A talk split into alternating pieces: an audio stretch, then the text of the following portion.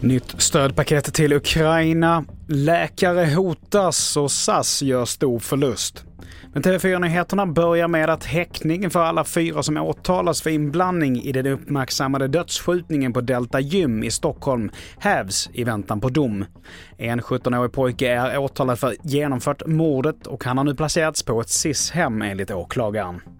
Om vi fortsätter med att idag så är det årsdagen på invasionen i Ukraina och den svenska regeringen ska presentera ett nytt stödpaket.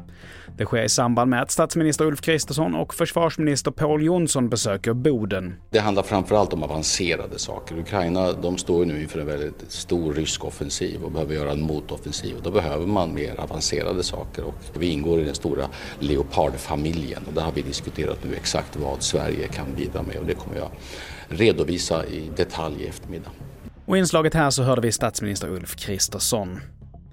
Och vidare till att hat, hot och trakasserier. Det är en vardag som blir allt mer vanlig för medicinska forskare de senaste åren.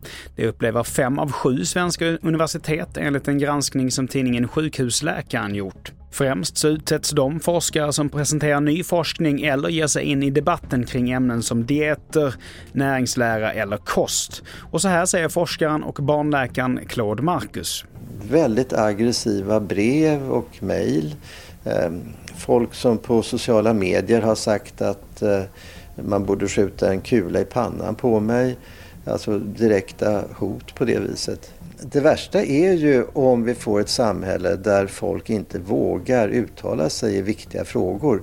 Då kommer vi att få ett tystare samhälle. Då kommer viktiga frågor inte att kunna diskuteras. Och till sist, flygbolaget SAS redovisar ännu en brak förlust i sin kvartalsrapport och flaggar för att kostnadsbesparingar i hela bolaget.